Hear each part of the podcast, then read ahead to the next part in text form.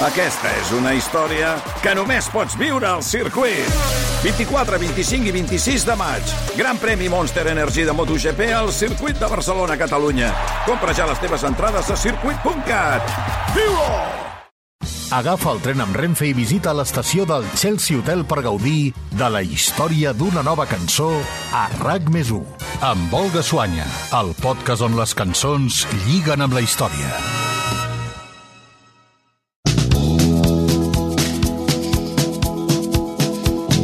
Així comença la cançó que dona nom a l'àlbum que els Premis Grammy de 1987 van reconèixer com el millor treball discogràfic de l'any.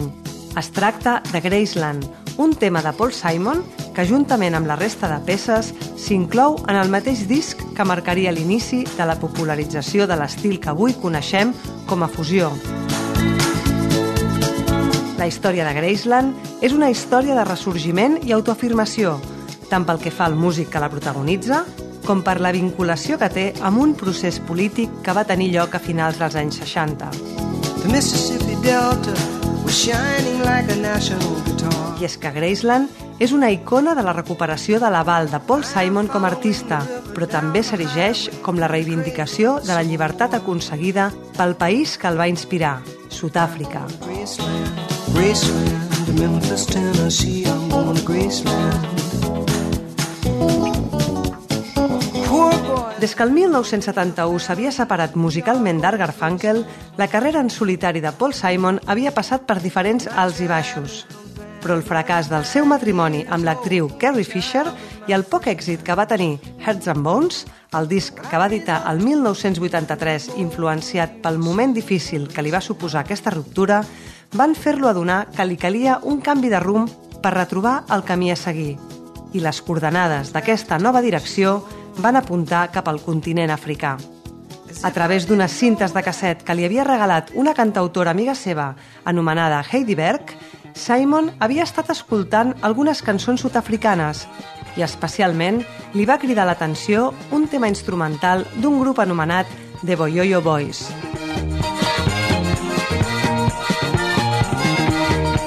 Aquells ritmes van despertar-li un gran interès i va decidir viatjar fins a aquell país per aprofundir en les arrels i l'estil d'aquella música. Un cop allà, es va trobar amb tot un univers de melodies i artistes amb qui va començar a col·laborar, mentre anava donant forma al que un any i mig més tard es convertiria en Graceland. She's a rich girl, she don't try to hide it. Diamonds on the soles of her shoes. He's a poor boy.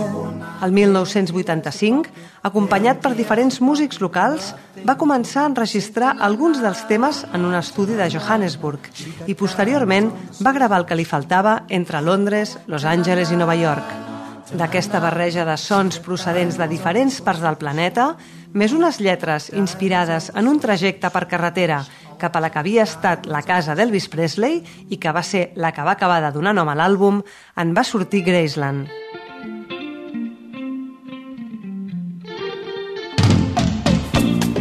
De fet, la lletra de la cançó arrenca amb una estrofa que fa referència directa a aquest emplaçament. Segur que ho heu reconegut en la primera frase que hem sentit a l'inici de l'episodi, on Simon descriu el recorregut que fa seguint la riba del riu Mississippi i que l'ha de dur fins a Memphis. The Mississippi Delta was shining like a national guitar. El delta del Mississippi brillant com una guitarra national, canta Simon en aquest primer vers de Graceland. Si mai us heu preguntat el significat d'aquesta frase, només cal que feu una cerca a Google per veure com són les guitarres de ressonància que fabrica la marca National o visualitzar la portada de Brothers in Arms de Dire Straits. I us adonareu que el cos metàl·lic que les caracteritza és tan lluent que podria reflectir el sol amb la mateixa brillantor que ho fan les aigües d'aquest riu dels Estats Units. Des del primer moment del llançament, Graceland va funcionar molt bé comercialment. Va ser l'àlbum que va retornar l'èxit i el reconeixement musical a Paul Simon, però va suposar també una revolució cultural que va tenir una incidència política. Des de principis dels 80, la jove república sud-africana havia estat subjecta a un boicot internacional contra el règim de l'apartheid que havia instaurat. I el fet que Simon hi gravés part de Graceland en un dels moments més crus de la repressió contra la població negra del país va fer que el Congrés Nacional Africà i l'ONU el declaressin persona non grata. American singer Paul Simon begins his concert tour of South Africa tomorrow, despite the threat of violence from some black opposition groups. They say international musicians should continue to boycott the country until majority rule is established. Però més enllà de les conseqüències personals d'aquesta decisió per a Paul Simon, la polèmica que va desencadenar aquesta situació va donar molta difusió a l'àlbum. Finalment, va acabar girant totalment les posicions i va convertir el disc en un altaveu impagable per a una part important de la cultura negra que estava sent esclafada i en tot un símbol del moviment de protesta contra la política de segregació racial sud-africana.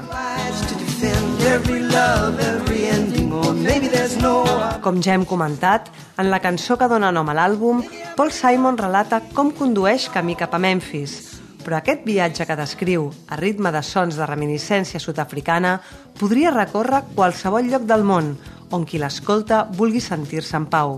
I és que Graceland ha acabat convertint-se en la metàfora d'una peregrinació musical cap a la terra promesa.